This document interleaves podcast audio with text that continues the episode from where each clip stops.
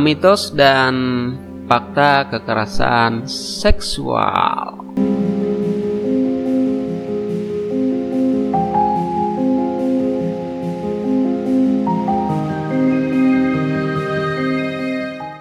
Jadi uh, saya akan menyampaikan suatu informasi ya yang berisi tentang anggapan anggapan anggapan orang tentang tindakan kasus pelecehan seksual ya atau tindakan pemerkosaan dan ingin memberikan sebuah fakta-fakta yang saya ingin kemukakan kepada teman-teman untuk mengklarifikasi anggapan-anggapan yang mungkin sebagian anggapan itu benar adanya ya. Tapi uh, perlu juga ada tambahan sedikit informasi yang untuk meluruskan mungkin untuk terkadang untuk meluruskan atau memberikan informasi tambahan buat teman-teman pendengar semua ya jadi yang pertama uh, adalah bahwa pelecehan seksual itu terjadi biasanya karena ada adanya uh, nafsu syahwat. Jadi pelaku itu tertarik atau pada saat itu nafsu syahwatnya sedang tinggi-tingginya ya sehingga dia tidak tahan dan akhirnya melakukan pelecehan seksual. Terkadang juga pelecehan terjadi uh, bukan dipengaruhi oleh nafsu syahwat juga ya tapi juga dipengaruhi oleh eh, adanya kontrol dan kekuasaan dari si pelaku di mana si korban ini tidak bisa berbuat apa-apa ya. Jadi eh, memang yang pertama ya kebanyakan karena nafsu tadi ya nafsu syahwat tadi ya. Contohnya misalnya ada ada seorang maling memasuki sebuah rumah dia dia memasuki sebuah rumah. Dia sebenarnya niatnya mau maling gitu mau ngambil barang orang. Kemudian pada saat dia masuk ke dalam sebuah kamar nah pada saat dia masuk ke dalam sebuah kamar nah, dia ngelihat itu ada anak yang punya rumah itu tertidur dengan posisi pahanya tersingkap Nah, dan pada saat itu mungkin uh, sperma si maling tadi itu memang lagi banyak-banyaknya ya. Dan libidonya itu memang lagi tinggi-tingginya ya. Nah, karena dia nggak tahan, akhirnya dia melakukan uh, tindakan pemerkosaan ya. Kan aneh juga ya, dia kan sebenarnya mau maling gitu. Tapi lucunya dia malah melakukan tindakan pemerkosaan dan uh, anak yang punya rumah itu uh, terbangun berteriak, akhirnya dia tertangkap. Nah, karena itu salah satu contoh karena sangat nafsu, yaitu salah satu contoh pemerkosaan dikarenakan uh, si pelaku nafsuan ya, atau kata orang ngacengan. Kemudian uh, tindakan pemerkosaan ini juga bisa terjadi karena si pelaku itu memang pada saat itu mempunyai kekuasaan kontrol di mana si korban itu tidak bisa berbuat apa-apa ya. Contohnya si pembantu seseorang yang jadi pembantu misalnya dia kerja mungkin beberapa tahun. Seorang perempuan ini bekerja beberapa tahun di rumah seorang majikannya. Menjadi pembantu dan diberi gaji yang mungkin ya lumayan gajinya mungkin. Sebagai pembantu gajinya mungkin sekitar 6 juta ya. Karena memang uh, majikannya ini adalah konglomerat. Nah pembantunya juga ya mungkin pembantunya cantik amoy amoy lah ahoy ahoy nah karena uh, pembantu ini digaji 6 juta dan dia juga susah cari pekerjaan di tempat lain akhirnya si pembantu ini ada di kekuasaan ada di tangan kekuasaan majikannya tadi majikannya yang laki-laki tadi. Nah karena berada di tangan majikannya ada kekuasaan anunya akhirnya mau nggak mau pada saat eh, majikannya itu melakukan pelecehan seksual atau bahkan melakukan pemerkosaan ya pembun ya pembantunya ini mau gimana lagi ya? Ya akhirnya mungkin menerima aja. Dia dalam karena dia tidak punya kekuasaan seperti itu. Karena dia dalam keadaan pilihan yang sulit. Ya seperti itu contohnya kemudian ada juga uh, mungkin ada seorang karyawati ya, atau karyawan perempuan yang bekerja di sebuah perusahaan bonafit di mana atasannya ini juga melakukan pelecehan atau bagaimana gitu. Tapi karyawan ini uh, posisinya dalam keadaan posisinya dalam keadaan susah ya. Dia bekerja menghidupi keluarganya menghidupi adik-adiknya yang sekolah. Eh, maksudnya membiayai adik-adiknya yang sedang sekolah dan dia bekerja di perusahaan itu gajinya ya lumayan besar tapi dia melakukan tindakan pelecehan oleh atasannya jadi terkadang orang melakukan uh, pelecehan seksual itu ya terkadang karena dia ada di bawah tekanan atau di bawah kontrol dari orang yang berkuasa seperti itu ya. Dan banyak lagi contoh-contoh yang lainnya. Jadi orang melakukan pelecehan seksual, seksual biasanya yang pertama ya karena memang ada nafsu dan ada kesempatannya.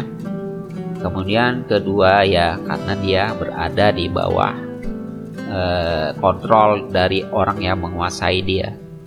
Kemudian uh, ada anggapan bahwa jika korban kekerasan seksual itu dikatakan tidak melawan, ya karena mereka berpikir bahwa penyerangan seksual itu tidak sakit ya, tidak tidak seburuk itu, tidak seperti mungkin uh, dilakukan pemukulan atau dipukul. Jadi ada orang berpikir bahwa oh diperkosa itu kan enak juga kan menikmati saling menikmati jadi ya ya kebanyakan ya atau juga yang diperkosa juga memang menginginkan juga.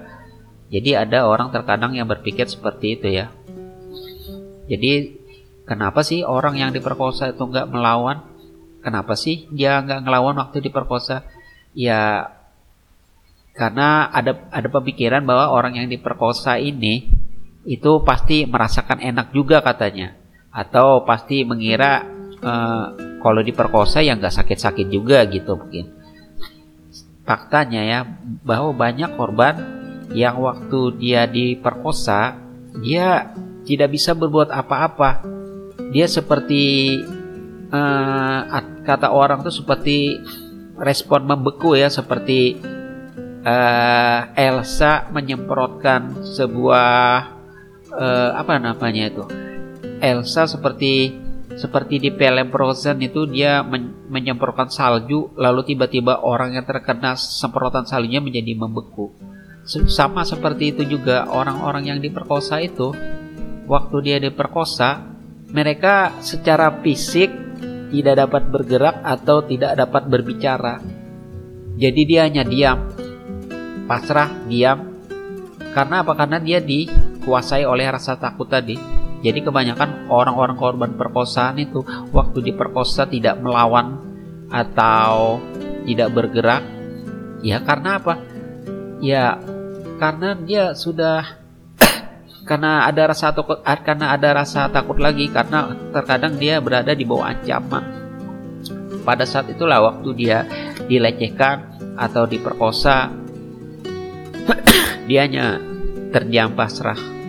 Jadi bukan berarti dia tidak melawan, tapi ya karena kondisinya dia ada rasa takut yang membuat dia tidak melakukan perlawanan. Kemudian banyak juga kalau kasus-kasus pemerkosaan di, itu dilaporkan ya. Terkadang pihak pelaku kadang merasa uh, tercemari nama baiknya apalagi kalau yang melakukan pemerkosaan ini adalah orang-orang yang punya kedudukan atau orang-orang yang orang-orang yang punya kedudukan. Pihak korban biasanya takut untuk melaporkan si pelaku ya karena dia uh, takut dikatakan bahwa apa yang mereka laporkan itu adalah laporan palsu di mana bisa diputarbalikan si korban bisa menjadi dan takutnya yang ditakuti korban adalah si korban ini bisa kena hukum. Nah, itulah akhirnya mengapa eh, kasus pemerkosaan ini terkadang mereka takut melaporkan ya. Jadi hanya 2 sampai 8% aja eh, eh, kira-kira eh, tindakan pemerkosaan ini bisa dilaporkan. Karena mereka mereka takut melaporkan karena mereka takut dengan ancaman si pelaku tadi karena terkadang pelaku mempunyai kekuasaan atau apa gitu jadi sebenarnya banyak tindakan-tindakan kasus pemerkosaan yang mungkin banyak tindakan-tindakan kasus pemerkosaan yang tidak dilaporkan. Kemudian kemudian juga ada anggapannya bahwa orang yang sudah menjalin ada juga orang yang mengatakan bahwa seseorang tidak dapat menyerang pasangan atau pasangannya secara seksual. Jadi ada juga yang beranggap bahwa orang yang sudah menjalin hubungan itu orang-orang yang berpacaran itu tidak dapat uh, menyerang pasangannya atau memperkosa pasangannya ya. Tapi pada kenyataannya hampir 10 dari satu wanita pernah mengalami pemerkosaan dari pasangannya sendiri. jadi orang-orang yang berpacaran itu hampir 100% mereka melakukan hubungan intim ya, hubungan intim di luar nikah. Dan padahal itu tindakan yang sebenarnya sangat merugikan buat pihak wanitanya sendiri karena apa? Ya, ya karena dia akan rugi sendiri lah. Jadi eh, pesan saya buat teman-teman lebih baik ya ya tapi yang namanya pacaran ya pacaran itu kalau udah dua-duaan di tempat sepi, di tempat kos-kosan, wow, cicak-cicak di dinding pun hanya bisa menyaksikan perbuatan mereka. Kemudian ada anggapan bahwa mitos pelecehan seksual itu paling sering terjadi di depan umum atau di luar ruangan. Faktanya 55% eh, ya pemerkosaan atau kekerasan seksual itu sering terjadi di dekat rumah korban atau 12% terjadi di rumah teman atau kerabat atau juga kenalannya. Kemudian ada anggapan bahwa tindakan pemerkosaan itu tidak sering terjadi. Padahal rata-rata ada mungkin sekitar 300 um, 300.444 korban perkosaan dan kekerasan seksual yang berusia di antara 12 sampai di antara 25 tahun di Indonesia ya. Dan setiap satu serangan seksual itu bisa terjadi setiap 107 detik. Jadi mungkin pada saat saya berbicara ini ya mungkin sedang terjadi serangan seksual yang dilakukan atasan kepada bawahannya yang dilakukan misalnya seorang mungkin uh, ada orang-orang di rel-rel kereta api ini yang naik kereta api mungkin sedang melakukan pelecehan seksual ada juga seperti mepet-mepet duduk di kursi kereta api lagi desak-desakan sama cewek. Nah itu mereka bisa saja melakukan pelecehan seksual. Itulah salah satunya. Kemudian ada anggapan yang mengatakan bahwa orang yang mengalami pelecehan seksual itu akan histeris dan menangis. Ah, jangan, jangan, jangan diperkosa saya, Pak. Pak, tolong, Pak. Gak ada anggapan-anggapan yang mengatakan orang yang yang mengalami pelecehan seksual akan histeris dan menangis ya. Eh ya, mungkin sebagian ada yang histeris, teriak-teriak. Tapi pada kenyataannya ya, faktanya setiap orang itu merepot merespon kasus perkosaan itu berbeda-beda ya. Jadi setiap orang itu merespon kasus pelecehan seksual itu berbeda-beda. Beberapa mungkin ada yang ketawa-ketawa, ada yang menangis, dan ada yang gesturnya seperti biasa aja ya. Tapi pada saat itu mereka merasa itu memang benar-benar dilecehkan. Pelecehan terkadang mereka salah paham ya kadang wanita itu ya makhluk yang aneh lah. Ada suatu kejadian sepertinya saya dulu saya di dikira teman saya yang cewek saya melakukan pelecehan seksual padahal enggak. Jadi pada saat itu uh, saya dulu pernah uh, mau pada saat itu sepeda motor saya itu bannya kan bocor ditambal gitu ditambal ban. Jadi otomatis saya mau pulang kerja gitu kan jauh kan kalau jalan kaki. Kebetulan kan teman saya itu saya pingin ngikut ke teman-teman saya yang cowok kan sudah pada pulang duluan semua. Dan saya waktu itu masih ada sedikit pekerjaan. Dan tinggal dia aja lagi yang belum pulang. Terus saya ngomong sama dia eh nanti saya kalau pulang saya ngikut ya jadi tujuan saya supaya bisa ngikut dia ke tempat tambal ban. Saya kan nambal ban sepeda motor saya bocor pada saat itu. Nah dia seharusnya sih waktu bawa sepeda motor seharusnya aku aja yang bawa sepeda motor dia kan. Tapi pada saat itu entah kenapa dia yang bawa sepeda motor dia yang bawa sepeda motor. Jadi saya duduk di belakang. Sepeda motornya itu sepeda motor metik jadi pada saat dia bawa sepeda motor gitu dia ya agak-agak kelaju lah bawa sepeda motornya. Agak-agak kelaju. Nah pada saat itu dia ngeremnya mendadak. Dia ngeremnya mendadak saya kaget. Jadi badan saya itu karena dia ngerem mendadak ya jadi badan saya itu langsung nabrak badan dia. Nabrak badan dia. Ya nggak namanya kaget badan dia. Tangan saya akhirnya nggak sengaja itu megang ke paha dia gitu. Padahal saya nggak nggak ada nafsu eh, gak, maksudnya saya nggak ada maksud untuk melecehkan dia. Cuma kaget. Jadi dia marah sama saya marah. Dikirain saya ngelecehin dia gitu. Padahal nggak. Padahal saya nggak ada sama sekali mau melecehkan dia. Cuma pada saat itu kondisinya seperti itu Oke, okay, lanjut lagi uh, tadi sampai mana ya? Oh, jadi ya kadang wanita itu uh, mengekspresikan waktu dia dilecehkan itu ekspresinya tuh berbeda-beda ya, bukan ekspresi ya. Maksudnya cara uh, respon seseorang respon seorang wanita itu waktu dilecehkan itu berbeda-beda ya. Kemudian ada anggapan juga bahwa laki-laki itu bukanlah korban kekerasan seksual. Jadi faktanya faktanya hampir 15% dari semua pria yang pernah diperkosa itu dari 47% itu adalah pria yang homo. Jadi jadi laki-laki juga rentan bisa diperkosa juga. Tapi yang di pemerkosanya kebanyakan pemerkosanya ya pemerkosa itu cowok pemerkosanya. Ya cowok homo lah.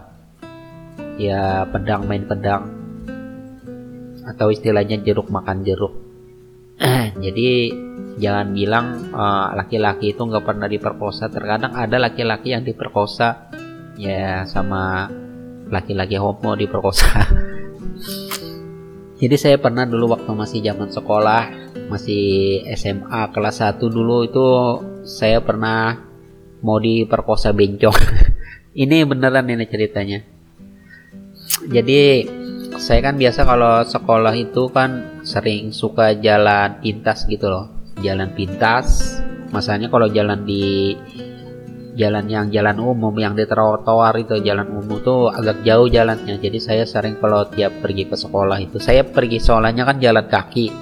Jadi sering jalan pintas melewati perumahan di dalam jalan jalan di dalam kata orang tuh jalan dalam melalui perumahan. Di situ ada perumahan yang kita melalui jalan sepi. Di situ terkadang ada jalan yang sepi. Nah di situ ada tinggal waria ya bencong bencong. Jadi saya setiap kali lewat di situ saya bisa e, dipanggil dipanggil tangan saya ditarik. E, terus tanya nama dia. Namanya siapa? Ya namanya saya ya waktu itu masih kelas 1 SMA ya mungkin masih lugu-lugunya.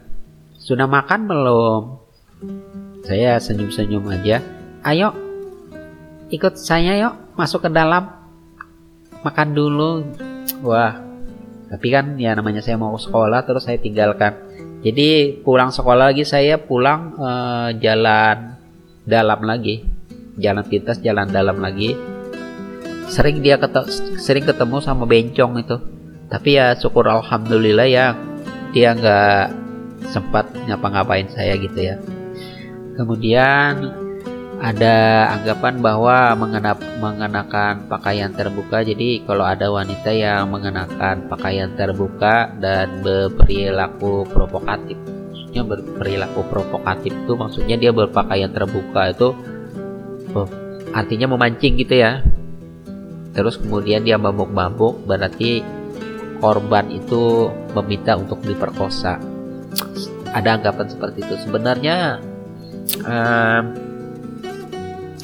kadang ada yang seperti itu tapi ada juga yang salah persepsi. Jadi faktanya ya kadang uh, walaupun dipancing seperti itu kebanyakan pelaku itu memilih korban. Dia kalau misalnya dia ah, pelaku atau laki-laki tersebut tidak tertarik terhadap uh, si pemancing ya yang pakai baju terbuka bajunya terbuka terus e, berlaku binal atau gimana. Tapi yang cowoknya misalnya nggak nafsu nggak tertarik yang nggak bakalan diperkosa lah ceweknya itu.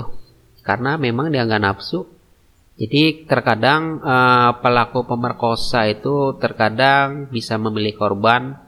Jadi bukan berarti ya ketika orang-orang yang pakaian terbuka atau apa gitu diperkosa bisa ter, bisa di bisa di, tapi kadang ada juga yang ter tapi terkadang ada juga orang-orang yang berpakaian terbuka apa memancing seperti itu bisa langsung diperkosa sama laki-laki ya tapi tergantung juga ada juga yang gak mau memperkosa atau apa milih-milih.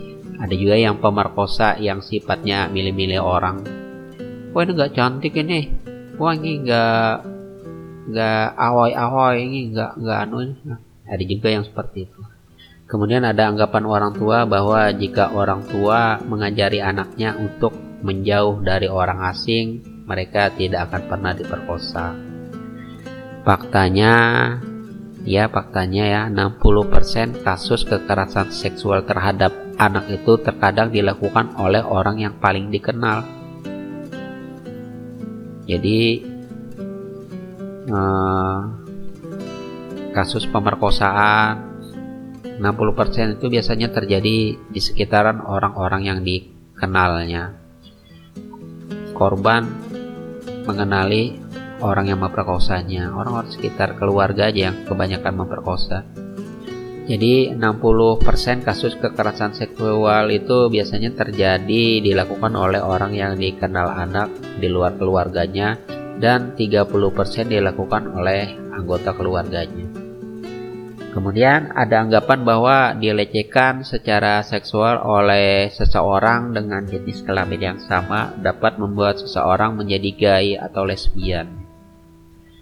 Faktanya, penyerangan biasanya tidak didasarkan pada prevensi seksual korban atau pemerkosa, dan karena itu tidak serta-merta mengubah orientasi seksual korban.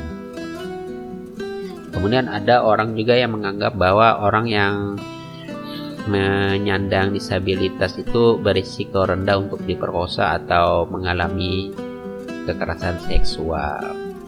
Faktanya, penyandang disabilitas banyak menjadi korban kekerasan seksual dua kali lipat dibandingkan orang yang normal. Kemudian ada juga yang berkata bahwa pandangannya ada juga seperti ini. Pekerja seks itu nggak nggak boleh diperkosa karena dia itu menjajakan seks. Maksudnya gimana? Jadi pekerja seks itu tidak boleh diperkosa karena menjajakan seks ya faktanya ya pekerja seks itu mempunyai hak juga untuk memberikan dan tidak memberikan persetujuan untuk setiap aktivitas seksualnya dan karannya dan karannya dan oleh karena itu dia juga dapat diperkosa sama seperti orang lain. Jadi kalau PSK gitu ya PSK itu kan ada PSK misalnya diperkosa ya ya dia PSK juga. Nggak apa-apa kalau diperkosa. Ya artinya bukan seperti itu. Ada anggapan orang kalau dia PSK kalau diperkosa nggak apa-apa lah. Ya karena dia PSK juga. Pada pada kenyataannya kadang ada PSK yang keberatan kalau dia diperkosa ya. Ya diperkosa.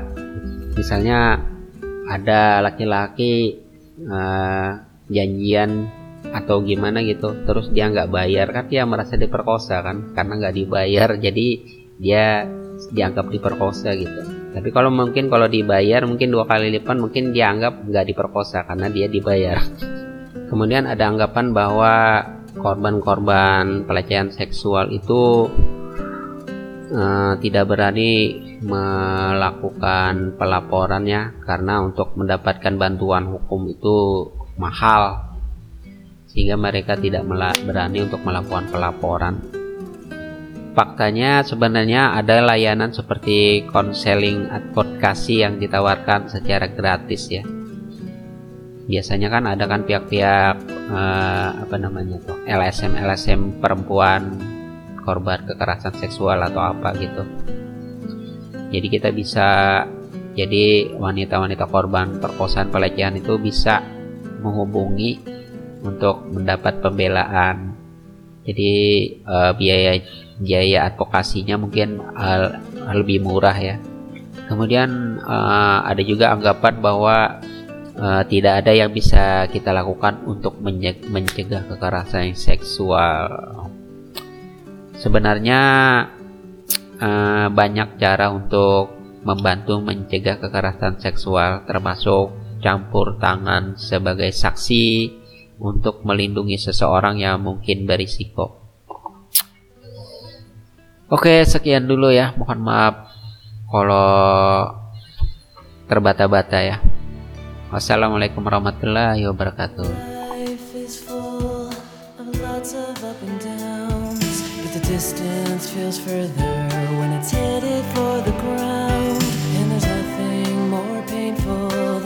your feelings take you down. so hard to know the way you feel inside when there's many thoughts and feelings that you hide. But you might feel better if you let me walk with you by your side.